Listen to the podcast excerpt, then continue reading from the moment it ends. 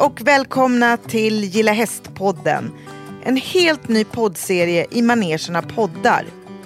I Gilla Hästpodden vill vi sänka trösklarna till stallet och dela magiska möten där hästar gör skillnad. Riding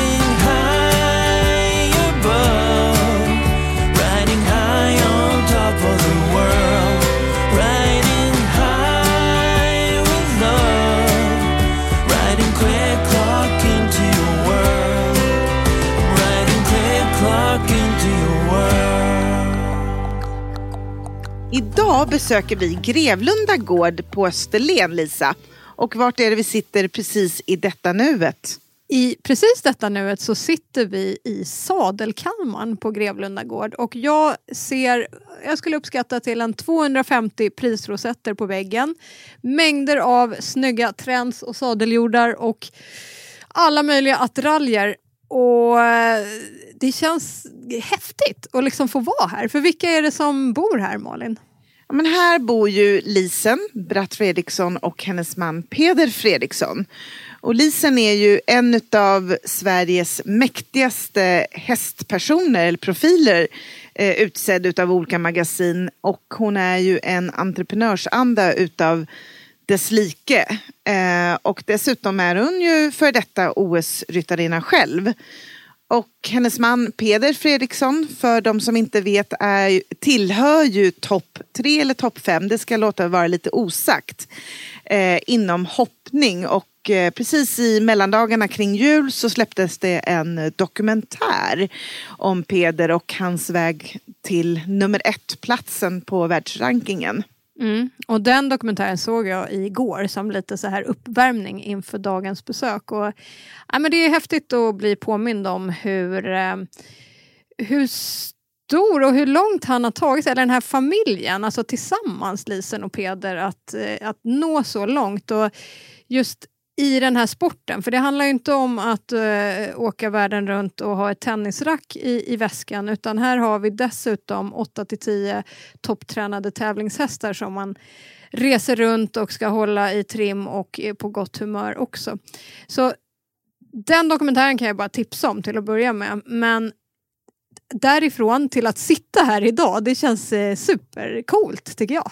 Ja men det är ju också lite, tycker jag, lite exotiskt att man kan driva en sån här stor verksamhet utifrån eh, i Sverige och på Österlen. För det ligger ju lite på andra sidan. Det är ju många stora hästställen nedåt i Skåne men framförallt här på Österlen så är det ju inte så många. Eh, så det ska bli väldigt spännande att få lite mer insikt om hur deras liv fungerar i vardagen och också Lisen som ja, som en av de mäktigaste, vad, vad, vad hon kan göra eller hjälpa till och, och driva hästnäringen framåt men också hennes tankar om och kring ridskolor, hur vi kan få fler att gilla häst och så vidare. Så att, eh, Och, och hur hästar har gjort skillnad för henne. För hästarna har ju haft en otroligt central roll i hennes liv. Både karriärsmässigt men också på ett personligt plan som hon ska berätta om. mm, Men nu ska vi gå in och prata med Lisen. ja, jag tycker att vi beger oss bort dit på en gång. Det gör vi. Häng med! Häng med! I'm riding quick clock into your world. Nu, Malin, sitter vi här på Grevlunda gård på Österlen tillsammans med ingen mindre än Lisen Bratt Fredriksson. Hej Lisen! Hej, välkomna. Tack snälla! Välkommen till Gilla Hästpodden. Bra namn på podd faktiskt. Ja. Bra! Jättebra. Det, är, liksom, det finns ju en del hästpoddar, även fast den här skiljer sig på ett, på ett annorlunda sätt har jag förstått. Men, men just att hitta namnet, är, det här är jättebra. Vad Perfekt, kul! perfekt. Det blir vi glada att höra. Ja, verkligen. Det är en ganska snöig dag idag eh, och vi sitter här inne i ett litet mysigt eh, arbetsrum framför en brasa. Och jag tänkte Lisen, kan inte du bara börja och berätta lite om dig? Vem är Lisen Bratt Fredriksson? För det är ju inte alla lyssnare kanske faktiskt som vet vem du är. Ja, vem är jag? Jag är väl en avdankad eh, landslagsryttare i landslaget i 15 år i banhoppning. Men innan dess, ja, hur långt vill du att jag ska gå egentligen? Ja, den eh, 30 sekunders versionen. Ja, okej. Eh, född, uppvuxen mitt i Stockholm. Eh, ridit så länge jag kan minnas. Eh, hoppade av skolan ganska tidigt. Eh, har väl alltid varit en slags entreprenör sedan jag var barn. Tycker det är kul att få saker att hända. Eh, sälja, köpa, fixa. Eh, och sen så tä- väldigt tävlingsintresserad, träningsintresserad. Så att, eh, tävlingarna, hästarna tog mig till landslaget. Och sen så började jag styra runt med grejer efter några år igen nu. Så att nu är jag avsutten. Har lite olika projekt, olika företag jag jobbar med. Men hur kom hästarna in i ditt liv från allra första början? Från första början var det så att vi hade en granne som hade en shetlandsponny. Som, eh, och min, min, min pappa hade gjort eh, militärtjänst på häst och min mamma hade ridit. Så man hade då, då hade man ju att militärhästarna på då 40-50-talet eh, kunde man låna på somrarna. Så att hon hade en sån, jag vet inte vad de kallades för egentligen. Kavallerihäst Ja, eller? men precis. men, så att de ja. lånade på sommaren. Så hon hade ridit när hon var liten och sådär och red fortfarande. Så att på så sätt var de intresserade. Men alltså, all, vår granne då, shetlandsponny, och, eh, som vi började låna. Eh, och min mamma tog mig varje dag en sväng runt eh, i skogen och ledde mig så länge jag kan minnas. Så att jag har ingen sån här före efter, utan jag har alltid eh, ridit och hållit på med hästar. Hade en gammal ombyggd bastu på tomten som Ja, där vi hade, ponnyerna blev större och... Bastun blev större. Bastun blev större, bastun blev större men de gick liksom lösa i, det här var ju en villasamhälle så de gick lösa i, i trädgården. Alltså ni hade alltså hästar i villaträdgården? Ja, ja, det hade vi. Det- så det jag, var kallades för Pippi, 80-talet, Lång- jag kallades för Pippi Långstrump av alla som bodde runt omkring där. Men eh, ja, det var så det var och eh, blev väldigt tidigt intresserad av att liksom, läsa om träning och skriva ner om träning. Eh, vi hade en ridskola bredvid oss och där minns jag väldigt tydligt att min syster skulle börja på ridskola. Hon är fyra år äldre. Och jag följde med, det var hennes första dag tror jag, efter sommarlovet hon skulle börja på ridskola. Och då fick hon någon sån här eh, som man kan få, att man har längtat så mycket eller sett fram så hon bara gick i någon slags lås och ville inte, ville inte sitta upp. Och mamma tyckte hon har ju betalat för den här ridlektionen så hon sa kan inte lilla syster få sitta upp? Och då växte ju förstås det här, när man är lilla syster så vill man minsann visa. Så då satte jag upp och det, då blev jag, där tog jag någonstans, den uppsittningen blev ju något sånt här Alltså, inte bara ett steg upp i sadeln utan verkligen så här att Startskottet. Ja, ett startskott att visa minsann att jag vågar och jag kan. Eh, och min st- stackars syster blev ännu argare tror jag när, när jag red hela den där lektionen. Har det lagt sig? Nå, jo, det har, det har lagt sig men jag, jag har alltid varit liksom lite så här tävlingsinriktad efter det. Hästnet, Nordens största marknadsplats för häst och utrustning. Du har ju ridit på väldigt hög nivå. Du har en man som rider på väldigt hög nivå. Men om du tar tillbaka lite, vad har hästarna betytt för dig som person? Alltså hur har hästarna gjort skillnad för din person? Ja, jag tycker att det är som jag säger, det, finns ju ingenting före. Eh, så att därför så, men jag tror att jag hade en ganska, jag kan säga så här, om jag, från början så lät mina föräldrar mig att det var ju fantastiskt att få förunnat att få ha en ponny först och främst. Men jag fick ju, vi fick ta hand om, jag och min syster fick ta hand om ponnyerna själva.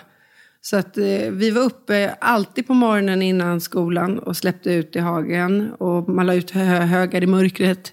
Och när eh, man var och hämtade foder och man drog de här höbalarna på, på, på pulker. Och man, alltså, när man kom hem så hade ju de här torvbäddarna frusit och så man hackade i dem. Och man tog hem.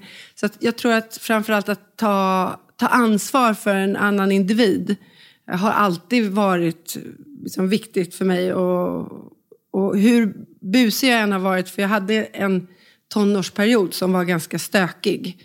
Eh, och jag gjorde nog allt som man inte får göra under den tiden. Men jag skötte alltid hästarna. Eh, liksom, precis. Jag skulle aldrig tänka att jag skulle strunta i dem eller inte ta in dem eller inte mocka till dem eller ge dem vatten. Utan de skötte jag alltid. Så att det blev en sån här eh, litet problem när jag, slu- när jag började skolka väldigt mycket. Att eh, då ville min pappa att då får du inte ha, du får inte ha det kvar din ponny. För att om du inte sköter skolan får du inte ha, ha kvar hästarna. eh, Medan min mamma tyckte att ja, men det är ju det enda som hon sköter. Det är det enda hon verkligen liksom driver på och sköter. Och I stallet var det ju som en operationssal egentligen. Och mitt rum var bara som en enda, liksom, det var som en bomb. Jag hade så här graffiti på väggarna och det var liksom total, liksom, medans det var liksom två olika världar. och där så började, blev vi mina föräldrar osams. Som faktiskt simmade till slut i en skilsmässa. Kanske inte bara i det, med det, men, men de hade väldigt olika syn på det. Min mamma var, tyckte själv inte om att gå i skolan, så att hon stod väl lite på min sida. Eh, men det var en ganska så stökig period. Eh, så att ut, med hästarna där så, så klart att de betydde ju jättemycket just att, att få vara duktig med dem. Eh, sen tyckte jag också i den här tonårslivet när man träffade andra tonåringar och barn och ungdomar så tyckte jag också att det var skönt att ha, att inte vara en tjej som bara satt på café och, och rökte och drack kaffe, det gjorde jag ju också. Men att just, just ha, göra en sån här, ja men nu, nu ska jag gå och ta hand om mina hästar. Att, att inte vara, för mig var det viktigt att inte vara en som alla andra. Jag ville liksom ha mitt eget så. Och på det sättet så betydde hästarna också jättemycket. När vi sågs under Jönköping Horse Show, det är två år sedan ungefär, då så sa du på en utav, du besökte våra monter, Gilla hästmontern. Och då sa du, hästar öppnar mina sinnen och gör mig till en bättre människa och en starkare kvinna. Kan du utveckla det lite? Jo, men jag tror att för just det här att hästarna är... Man måste, alltså, respekten för hästarna, de olika individerna, får ju en att sätta igång hjärnan hela tiden. Och tänka, tänka efter före hela tiden. Eh, Det är som jag sa, som ansvar. Det har man ju alltid lärt sig, att liksom se situationen med hästarna. Eh, Både vad händer nu, njuta av dem. Eh, Hitta nya lösningar. Ja, hitta Alla nya hästar är individer tänker jag. Absolut. Och, men va, det här är också att, de, att öppna mina sinnen. Det är också att för hästarna har ju fått mig runt hela jorden egentligen också att se olika saker, se olika miljöer. Vi har varit i Argentina, USA, Brasilien, eh, Australien. Så att, att, eh, och få se alla de olika delarna. Och jag tycker att man, att man tänker, man tänker i hästspråk också, man tänker liksom ett steg till. Sen så tycker jag också att eh, just att man gör en till en bättre människa är just det att man lär sig att ta ansvar och respektera. Och, sen måste jag också säga, att jag tycker någonting som idag då, eh, som vi diskuterar mycket med, med stillasittande för barn och ungdomar, att eh, när, du, när du kommer ut i ett stall så måste du jobba fysiskt och jobba fysiskt. Och jag som antagligen hade blivit diagnostiserad, diagnostiserad när jag var tonåring, med, jag, när, man, när man hela tiden måste jobba i ett stall, för då var det inte, man gjorde inga utredningar på den tiden. Nej. Eh, och inga medicineringar. Men just att vara ute och röra sig och, och jobba fysiskt i ett stall eh, är också väldigt utvecklande. Eh, att vara kvinna i, som jag upplever, jag vet att, all, att det är många som har andra erfarenheter, men för mig blev den väldigt jämlik. Eh, som tjejer och killar var väldigt jämlikt på det sättet jag växte upp med hästar på ridskolan. Eh, tjejer och killar och på tävling, när man började tävla, vi tävlade på lika villkor. Så, jag har aldrig känt mig liksom mindre åsidosatt som kvinna. Så därför så tycker jag att de har gjort mig starkare på det sättet att ta i, jobba, eh, tro på mig själv. Eh, ja, liksom hela, hela den biten. Men också som den jämlika värld som jag har sett har varit mer, för mig har den i alla fall varit mer jämlik i stallet än utanför. Och det har jag sagt någon, någon gång nu också, att, att när, nu när jag inte jobbar lika mycket i stallet om hästarna, så, då tycker jag att jag upplever en mycket mer alltså, segregerad värld, män och kvinnor, som jag inte upplevde när jag liksom bara var i stallet. Men jag har också poängterat, det är ju de som har andra erfarenheter, men det var mina erfarenheter. Men och det är ju lite det vi vill lyfta i den här podden är ju just liksom hur hästar faktiskt kan bidra i, i samhället på olika sätt. Och uppenbarligen har ju hästar bidragit och gjort ditt liv väldigt rikt. Men hur skulle du säga att eh, vi skulle kunna ta in hästen i samhället? Har du några idéer där? Hur skulle man kunna få fler barn och unga att hitta till stallet? Jag tror att det är jätte... Alltså nu ser det väldigt olika ut ifrån kommun till kommun. För en del kommuner gör ett helt fantastiskt jobb. Som verkligen satsar på barn och ungdomar. Och så finns det en del kommuner som gör väldigt lite för barn och ungdomar. Och väldigt ojämnt också. De bygger liksom eh, jättestora fotbollsplaner och gör eh, för andra idrotter eh, mycket mera. Och där ty tycker jag att man måste verkligen kritiskt gå in och titta på Alltså hur mycket, hur ser den här budgeten ut för den här kommunen? Hur mycket går till det här? För att, att, att inte satsa på barn och ungdomar, jag tror att alla kommuner gör det mer eller mindre, men det ser väldigt olika ut. Mm. Och det tycker jag, när vi har åkt runt som vi har gjort i Sverige, så ser man också väldigt tydligt. Det här är liksom en ridskola, ser ut som ni gjorde på 70-talet Ja. och sen kommer man till ridskola eller eller- Borås ja. som gör ett fantastiskt jobb. De har, bussen går hela vägen fram. De har liksom ledare, de har utbildning, de har ett varmt... Liksom, eh, det, är, det är inte uppdaterad eh, verksamhet med ja, allt ifrån stall och hästhagare och, och, och hästar och ri, ridlare. Och att, jag tror det, att satsa på ridsporten är inte bara just för sporten utan det är också väldigt mycket som vi har pratat om här. Välmående för barn. Att jobb, få vara med och jobba fysiskt, vara med och ta ansvar, vara med, vara med och liksom respektera och våga hantera ett stort djur. Som är liksom eh, unikt för ridsporten. Och, så jag, jag tycker att man, man måste se just hästsporten och ridsporten från två sidor. Sportsmässigt, absolut, den biten. Men också vad den gör med oss människor. För det är ju inte en tillfällighet också att det är väldigt många kvinnor i toppositioner som har varit häststalltjejer. Som har, och det, det, det är så, man lär sig att och jobba, man lär sig till ansvar och, och sådär. Om du fick starta en drömridskola, om vi framtidsspanar lite, hur skulle den kunna se ut? Jo, men jag tror att en framtids... Jag tror att man, vi måste gå... Först tror jag att det är viktigt själva exteriör och interiör. Om vi börjar hur det, hur det ser ut. Att det är liksom en välkomnande plats med bra hagar. Att den är en funktionell... För idag när man ser olika stall och ridskolor och sådär så, så är det byggt på ett sätt som inte är speciellt Hästvänligt. inte speciellt hästvänligt och inte speciellt eh, inbjudande heller. Vi måste också sälja vår sport. Vi måste vara mycket mer...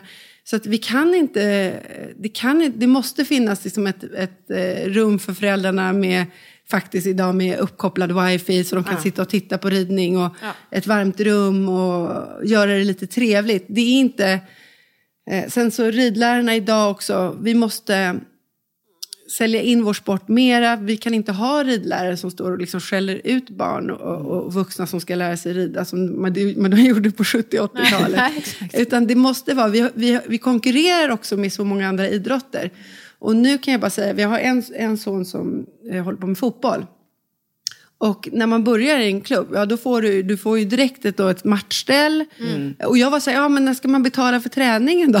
Nej, men, nej men det är medlemskapet liksom. Sen, sen är det inget mera i princip. Och lagandan och hur mycket de jobbar med Ja, liksom, och, de får, och de får ju också då, de får typ så här mellanmål när de du vet, alltså Ja. det är så mycket så att, så att eh, okej, de, problemet, eller problemet, det vi har är ju att vi måste ju, hästarna måste tas hand om, vi måste ha en ridlärare som jobbar, alltså det är en helt annan process. Så det, ska, det måste kosta pengar för, för hästarnas, och för att det ska vara kvalitet på det. Men det får inte heller vara, vi måste också tänka att vi måste vara konkurrerande mot de andra sporterna. Vi måste vara mera, liksom, sälja in, inte bara tro att folk liksom, alla vill komma och rida och det spelar ingen roll hur vi hanter, hanterar våra, våra kunder. Utan, eh, Men jag tänker just också där med tanke på att, som vi pratade om lite grann tidigare, när man ska nå politiker och, och näringsliv och så vidare, att vi själva inom våra näring måste höja blicken lite och ta in andra. Så här, hur jobbar andra i andra företag till exempel? För vi är ganska... Jag menar, det är ju inte längre bort än tio år sedan vi red i ullfrack, så vi är inte så här superframåt när det kommer till utveckling. Och ändå utvecklar vi väldigt Nej. mycket rent tekniskt. Så jag tänker att även där, att i ett drömscenario tänker jag just för att utveckla entreprenörsandan och ändå företagandet. För det är också just det där, men hur driver du ett testföretag? Du driver ju Grevlunda Gård som ett företag och inte som en hobby. Att man redan tidigt börjar prata om det också. Alltså att man ser ändå ridskolan som ett företag.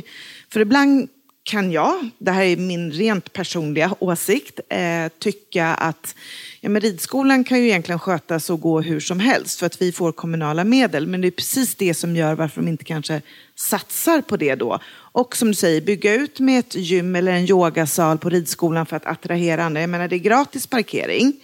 Eh, Det är ute på friluftslivet liksom. Att man måste ja, men lyfta blicken och kanske sätta till en, en grupp i de kommuner med, med olika erfarenheter. Dels expertisen, det vill säga en lisen får komma och vara närvarande. Men också andra.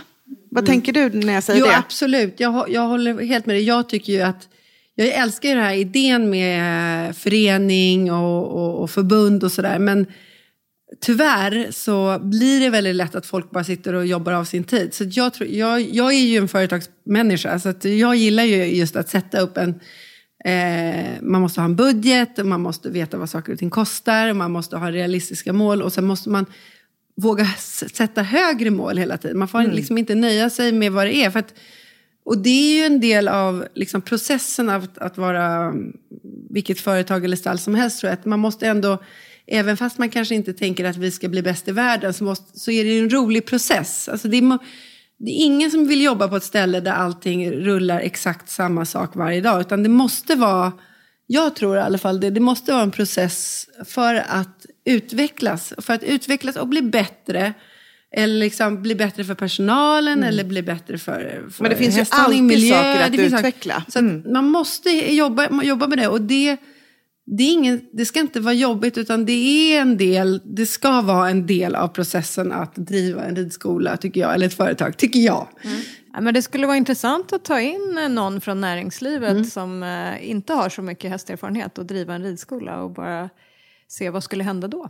Jag tror det hade varit väldigt, väldigt nyttigt. Väldigt nyttigt. Och, det, och vi ska komma ihåg att ta in hjälp och så utifrån. Då, man ska komma ihåg, det betyder ju inte att det ska bli sämre för hästarna eller för eh, tvärtom. Det, kommer, det ska man ju alltid sätta högst längst fram. Men att utveckla liksom hela den här andra biten tror jag är jätteviktigt. För att idag, eh, om du kommer som, som förälder, du kanske måste sitta, alla är stressade idag, alla har mycket att göra. Man kan, förr i tiden, som nu, sitta och frysa på, en- på en läktare i en timme, ja men då kanske inte, det kanske inte är så säljande faktiskt. Mm, mm. Och sen får folk tycka vad de vill om att ja men man ska minsann sitta där och lida ändå. Ja men abs- absolut, Eller? men då är Måste vi... man? Ja, nej, men eller hur, måste man det? Nej, men jag tror att vi, måste vi måste vara mer konkurrenskraftiga. Vi pratade tidigare om det här med jämställd och jämlik. Om man nu också tittar på eh, i mellandagarna kring jul så släpptes ju dokumentären om Peder, number one, Vägen mot toppen. Hur, har, hur kändes det att titta på den så här? Jo, men det kändes ju... Eh, det är svårt att säga. Alltså, jag- det är väldigt svårt när man är i den där. Jag, de har ju filmat så otroligt mycket. Och ändå så, jag menar, den är ju en, en och en halv timme eller en timme och 40 minuter lång, den här. Eh, Och jag var lite rädd att, jag skulle, att man skulle tycka att den var lite för lång. eh, Med den här. Men jag tror att sen när jag har läst vad folk tycker och vad folk har hört av sig och sådär så har ju- tror jag att de har, alla tyckte att det varit intressant. Sen är det, blir det ju alltid så här att när det har varit så himla maxat nu med, eh, eller kanske, det kanske finns mer- att gå på, men eh, det har, både jag och Peder har varit väldigt så här, ja men det har varit mycket i media, för oss i alla fall. Eh, och då är det lätt att man blir lite, alltså, vad ska jag säga, alltså man blir lite trött på sig själv alltså, helt enkelt. Mätt. Ja, man blir mättad lite, och lite. då känner vi, både jag och Hanna känner så här, bara, nu lägger vi locket på lite grann för att det blir... Eh, det, det är inte bara positivt. Alltså, när, det, Nej. när det blir sådana här saker så kommer det också såklart... Eh, och vi har varit förskonade mot nättroll och grejer och sådär. Men det har ju varit... Det är klart att med en sån här grej så kommer det sådana saker också. Eh, och eh, då har vi väl känt sådär. Och det är ju ingenting som vi har strävat, strävar efter heller, att vara någon slags, någon slags rampljus. För det, just den andra sidan där är eh, lite jobbig, kan jag tycka. Jag tänker att ni har gjort otroligt mycket för ridsporten och eh, liksom hästarna och allt det där. Men som du säger att, att eh, det finns ju även en baksida på myntet av det hela så. Och även ja, men barn och det är andra att tänka på, inte bara Ja. sig själv i Nej, det här. men verkligen. Men jag såg eh, dokumentären igår kväll eh, Okej. inför att vi skulle komma hit. Och jag har ju bott utomlands i många år så jag har Ja. egentligen inte följt er Nej. speciellt mycket. Så det var mycket nytt för mig och väldigt intressant. Det som jag reagerade på eh, var när man tittar på den här rankingen i världen så är det ju bara män i Ja. princip, topp 10. Precis. Och det blir man ju som hästkvinna lite störd över. Och så Ja. är det tjejerna som står i stallet och, och Ja, mockar och tar hand om hästarna. Ja. Och jag vet att du sa precis innan här att du har inte upplevt det Nej. egentligen. Men hur, vilken bild ger det? Liksom? Ja, ja, exakt, precis. Och då ska man komma ihåg att det svåra här är ju att de här toppen då, som är många av dem är män. Just, just nu, där var det ju extremt mycket, men eh, de är ju liksom 0,00, alltså av alla vi som håller på.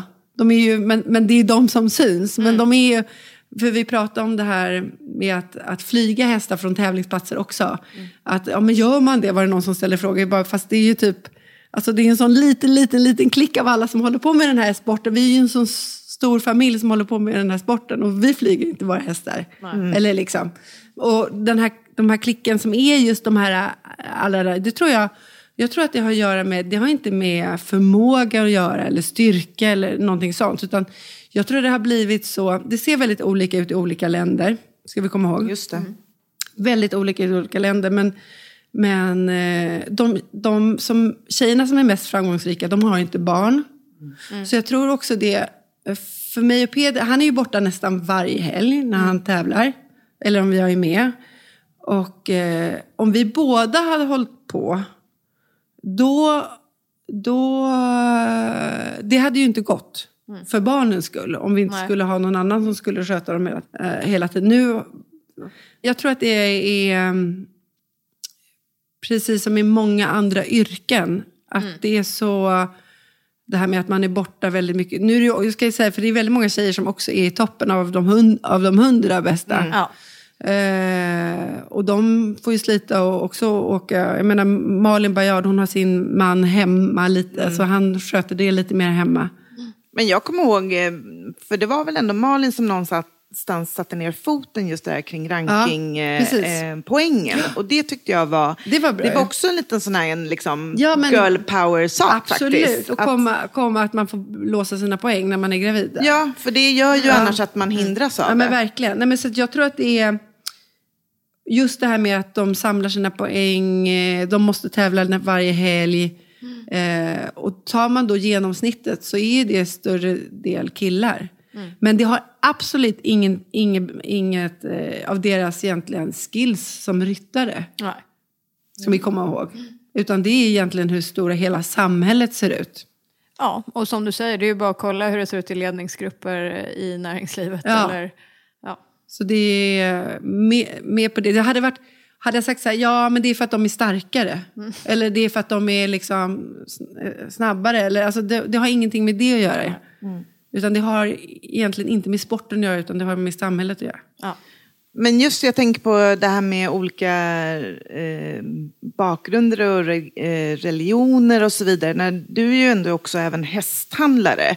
Att göra business som kvinna i länder där man kanske inte riktigt har den positionen eller möjligheten. Känner du att det på något sätt har hämmat dig eller snarare får du en större respekt i det landet? eller hur funkar det, jag, liksom? faktiskt. jag måste säga att jag har, jag känner att det har varit styrka för mig att vara tjej i den branschen. För att många är också att man blir så här, ja men det är hon i Sverige som är duktig med hästar. Alltså, du, det finns ju hur många killar som helst. Men, men eh, så att, det- jag tycker att för mig har det varit en fördel eh, och ju- just med det. Eh, och jag har en jättebra relation, jag tror att också med de killarna som har köpt häst eller hästhandlar eh, internationellt har jag en väldigt bra dialog med. Och jag tror att de, är, de har svårare att liksom köra med mig på ett sätt faktiskt får man säga, tror jag, som, som tjej. Liksom. Men varför finns det inte fler Lisen-tjejer där ute också som hästhandlare? Jo men det, här- det blir mer, ja, Ja. det måste jag säga. Det är, faktiskt blir mer och mer av det. Av det. Det är kul. säga. Ja, det är faktiskt. Det ser annorlunda ut.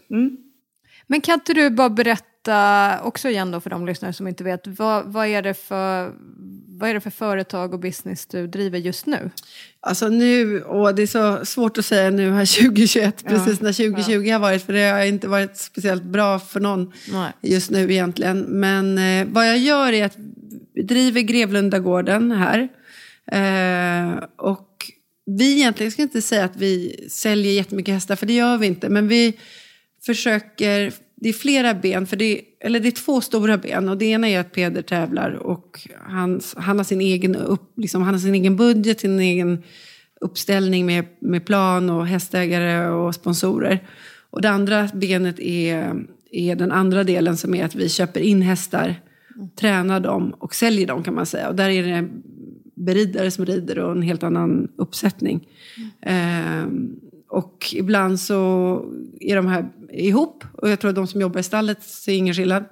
Ehm, utan de, de, eller de ser väl viss skillnad gör de i och för sig. Men det är i alla fall att ta fram hästar, utveckla dem, sälja dem och få verksamheten att gå runt på det. Eh, och ibland, någon gång ibland säljer man en häst lite bättre och ibland säljer man den lite sämre.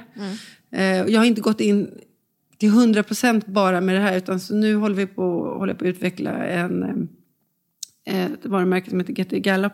Just det. Ja, som är en, började med att vara en nätsida med olika produkter men nu håller det på att bli egentligen ett större eget varumärke där vi kommer ta fram eg- egna kollektioner här inom en treårsperiod. Och jobba för andra företag. Så ridkläder och Ja, hästprylar. lite och-. Smycken väskor. Och... Ja, vi gör mycket samarbeten och det är rätt kul faktiskt. Det är en rolig process. Vi jobbar, vi jobbar slow is fast. Bra. Ja. Hållbart. Ja, vi jobbar mycket hållbart. Det känns bra, det är kul. Men jag måste bara få fråga, vad, vad kostar en tävlingshäst eh, på de här nivåerna? Ja, de kan kosta... Jag kollade på en igår för 100 000. Eh, upp till hur mycket som helst. Alltså, Vad kunden är villig att betala eller? ja, ja, precis. Absolut. Du, du, sen de bä- bästa hästarna vi har här är- äger vi inte vi själva. Ah, okay. Så de ägs av andra människor och personer och företag. Hästnet, Nordens största marknadsplats för häst och utrustning. I'm riding Clay Clark into your world.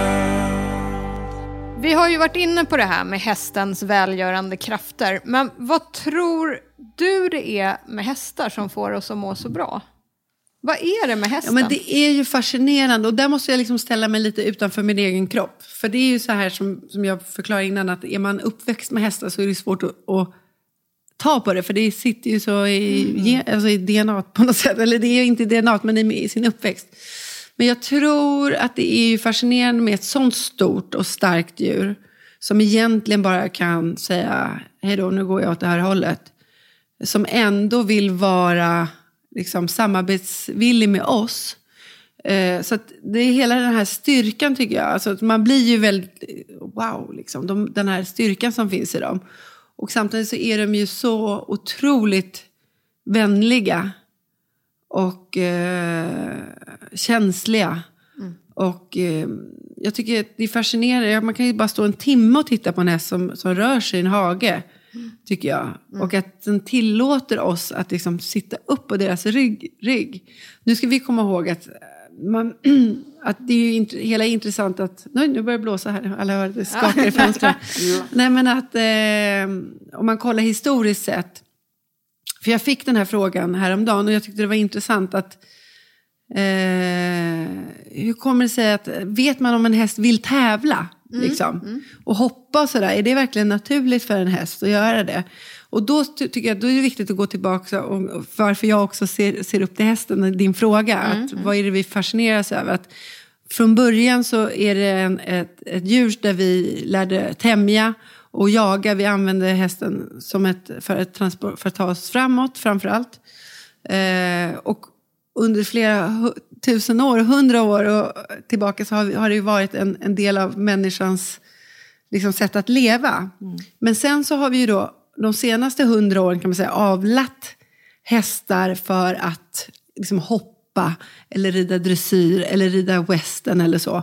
Och då har man hela tiden avlat på den som är lite bättre på att rida western eller rida eh, ut i skogen med eller hoppa med. Precis på samma sätt, och då skulle jag förklara en liknelse, precis på samma sätt som man lär, eller får fram en vallhund. Så är det precis på samma sätt, att en, en vallhund vill ju bara valla. Och den vill inte liksom ligga eh, inomhus i en lägenhet, utan den måste få valla. En hopphäst är så hårt avlad för att hoppa och röra sig, göra saker för hästarna. Idag, så ser det ut idag. Det är liksom ingen vild häst som vi har här inne.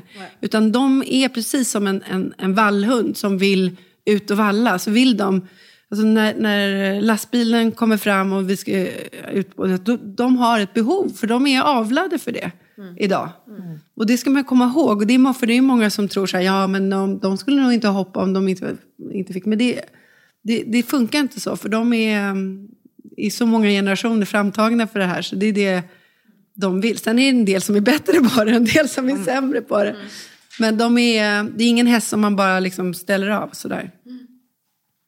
Det tycker jag är fascinerande. Men 2020, precis som för alla andra, måste ju varit ett väldigt märkligt år för er. Ja. Jag har antagligen varit mycket mindre resor och tävlingar. Och då har ju ni gått här hemma tillsammans och myst. Hur har det, hur har det gått? Supermysigt. ja. Jag var lite stressad. För vi, alltså vi, jag, jag tror att vi upplever oss som att vi är ganska... Vi, le, vi lever och jobbar ihop men vi har ganska så här, eh, egna grejer. Eh, så det var ju lite spännande. Men jag tycker det fungerar väldigt bra. Vi var väldigt glada på ett sätt att så här, nu fick vi lite mer tid och återhämtning i andra saker. Eh, så jag, jag tycker, jag måste säga, jag tycker det är förfärligt med 2020 med allt hemskt liksom som är.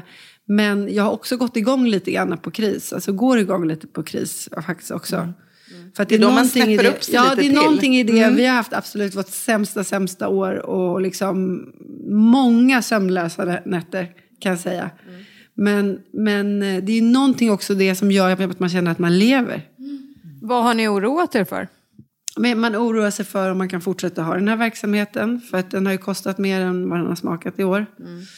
Eh, hur man ska gå vidare, om man ska skära ner. Och, ja, vi har ju mycket personal som sagt, det är den biten. Men samtidigt så måste man investera, så det har vi försökt göra ändå. Eh, så det är en, en, en oro, men det är inte så här så att vi står på... Vi har haft några bra år bakom oss, så att vi klarar oss, men inte hur länge som helst. Liksom. Men vi tar oss inte uppåt, framåt. Så att, eh, liksom, jag har varit ganska hård med inköp och sådana här saker. Eh, Det har fått vara, jag var så här, nej men ni får använda de där gamla täckena som finns på vinden nu, In, inga nya grejer liksom. Det, och, det, och det är också någonting i det som känns lite bra. För det känns också sunt och bra. Att Det funkar ju ändå. Det funkar, Ja. men sen så, det är lite klagomål förstås. Men jag, försöker, jag försöker hålla emot. Vad hoppas ni på med 2021?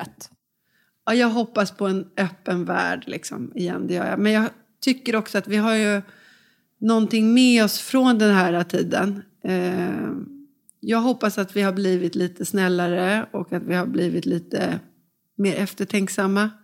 Och att vi kanske har kommit på att det funkar bra att använda det där gamla täcket igen. Jag, jag har gått igång lite mer på, på den biten, liksom hålla i, hålla hållbarhets, hela den proceduren. Jag tror att vi kommer vara gladare när vi, när vi, när vi ska fira saker. Att vi kommer ha mera, speciellt kanske i det här landet, för vi har ju varit så privilegierade. Eh, och som sagt, jag kan nästan vara, liksom, det får man inte säga, men alltså, man märker ju länder och de som har haft det jobbigt är ju glada, alltså de, fi, de, de kanske tänker efter lite extra när det är de här äh, högtidsdagarna eller sådär. Jag tror att vi kommer vara extra glada när liksom Skandinavium är full med publik och Elmia det forsar folk och vi kan skåla med varandra. Och, Nej, Då men man tar inte saker och extra ting glada. för givet på samma Nej, sätt. nej. Och det gör ni nog, just som du Ja. att man uppskattar det. För Ja. förut så har det varit så tillgängligt. Vi Ja. har liksom bara räknat med att Exakt. man kan gå på Elmia och Ja. man kan sova kvar och man kan flyga. Och Ja. man tar, Exakt. utan nu är det en annan tid. Liksom. Ja. Jag tror att man ändå på något sätt även där öppnar Ja. sina sinnen och tar emot mer på ett annat sätt faktiskt. Det är precis, och ibland undrar man ju liksom. Jag, jag är inte så troende, jag tror på naturen väl, i sin kraft. Och eh, jag, man kände ju någonstans där tycker jag att, att det var väldigt maxat allting, allting vi gjorde. Väldigt Ja. maxat. Liksom, man kan inte resa mer än vad vi gör. Vi kan inte liksom, utnyttja naturen mer än vad vi gör och sådär. Så att det är klart att utan att... Liksom, det är någonting... Som sagt, det är någonting behövde hända. Mm. Ja, det är förfärligt Naturen tog en halvhalt. Så kan man säga. Bra. kan man säga. Malin. Men när man, Kloka du. när man ser den här dokumentären också, eh, nummer ett, som Ja. vi pratade om alldeles nyss, så blir man ju påmind om, det känns nästan overkligt att man bara för ett år sedan, eller vad det nu var, kunde sitta så många människor och Ja, Ja, när man ser mycket publik ihop sådär, Ja. man blir helt liksom, gud vad det knasigt det är. och vad snabbt saker och ting kan vända. Verkligen. Men Malin, jag tänker vi ska nog börja runda av va? Det ska vi. Vi ska ta de här två sista frågorna. Lisa, har du lust att presentera det för Lisa? Absolut. Eh, nu har ju vi pratat om generellt med hästar och hur de gör skillnad. Men vi ber alla våra gäster att tänka ut ett speciellt hästmöte. Kan du berätta om ett hästmöte som har gjort skillnad för dig? En speciell häst då, tänker jag. Ja, precis. Ja, absolut. Ja, då hade jag, har jag min Graal som jag hade. Eh, som var min egen häst. Det var ett speciellt hästmöte. Alltså, han har betytt jättemycket för mig. Jätteknasig häst. Men där vi liksom klickade väldigt, väldigt mycket. Och han, han är fortfarande min referens i mycket när jag väljer hästar idag. Eh, för att han var, hade en, en kvickhet. Jag kan, känna, alltså jag kan liksom blunda och känna exakt hur det kändes att sitta på honom även fast det var liksom snart 20 år sedan. Och han, jag red honom som första häst när jag hade fått barn, även fast han var helt tokig. Sitta upp Du litade på honom helt Jag enkelt. på honom. Jag, kä- jag kunde varenda rörelse. Så för mig var det en... Och han, ligger ner, han ligger begravd hemma hos min mamma. Under en sten. Eh, så det var ett speciellt hästminne. Eller liksom, det var en, en, en av mina mest... Eller det var min mest viktiga häst i livet. Om du fick skicka med någonting till politikerna, för vi vill ju som sagt vara nå ut utanför stalldörrarna. Mm. Är det något speciellt som du skulle vilja säga till politikerna och de som är beslutsfattande kring, kring hästar och ridskolor eller hästnäringen? Jag ska sammanfatta det i en kort... Nej, men det är ju svårt när man inte har nej, men jag förberetts på frågan. Att, nej, men jag tycker att eh, man måste satsa på barn och ungdomar. Att jobba och få vara med hästar, både som sport men också ur det perspektivet att det gör en till en, en bättre människa. Den biten, de måste se på eh, hästarna och ridsporten ur ett större perspektiv. Att det är bra för jordbruket, för landsbygden, för barnen och för liksom sporten att röra på sig aktivt. Det är en, en, en väldigt sund eh, livsstil. Och väldigt nyttig för barnen. Så det, den, den biten skulle jag vilja... Det är en stor eh, plattform. Mm. Lisen, vi säger tusen tack att vi fick komma hit och ställa lite frågor och ja, helt enkelt höra lite andra svar från dig och inte bara kring hästarna. Tack snälla. Fantastiskt. Ha, tack. Vad heter din häst, Bill? Danny, Vad är han för oss? Gotlandsruss, Vad kallas de för? skogsbagge, Och vad håller, vi på trä- vad håller du pappa på att träna på nu? Longera. Longera. Är det svårt? Nej, Nej. ganska svårt. Vad gillar Danny, vad gillar Danny bäst när du gör? Eh, hoppar vattenhindret. Han älskar att äta. Eh, när jag hoppar ganska stora hinder Ja. så, så, så brukar jag ramla fram lite så att eh, jag nästan ramlar av. Wow, för att det blir sånt stort skutt. Mm. Jag håller med Så- dig, jag har samma jag- problem. Ja, ja, så. Men än en gång, så när Dan skulle svänga så svängde han lite så. Ja, och då gjorde jag en kullerbytta och så gjorde jag en bakåtvolt ner. Va? Och hamna på fötterna eller på... På rumpan. På rumpan? Ja, på ryggen menar jag. Aha, men det var ju schysst. Är mamma och pappa bra ridlärare då? Men, Ja, skulle du vilja ha någon annan? Någon lite bättre? alltså, jag, jag förstår typ inte vad de säger. Nej. Det är inte så lätt att förstå. Slut i rutan. Slut i rutan. Nu är Gilla Hästpodden. Slut.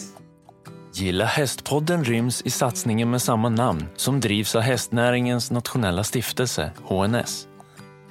Läs mer på gillahäst.se och följ oss gärna i sociala kanaler. Hästnet, Nordens största marknadsplats för häst och utrustning. Riding high above.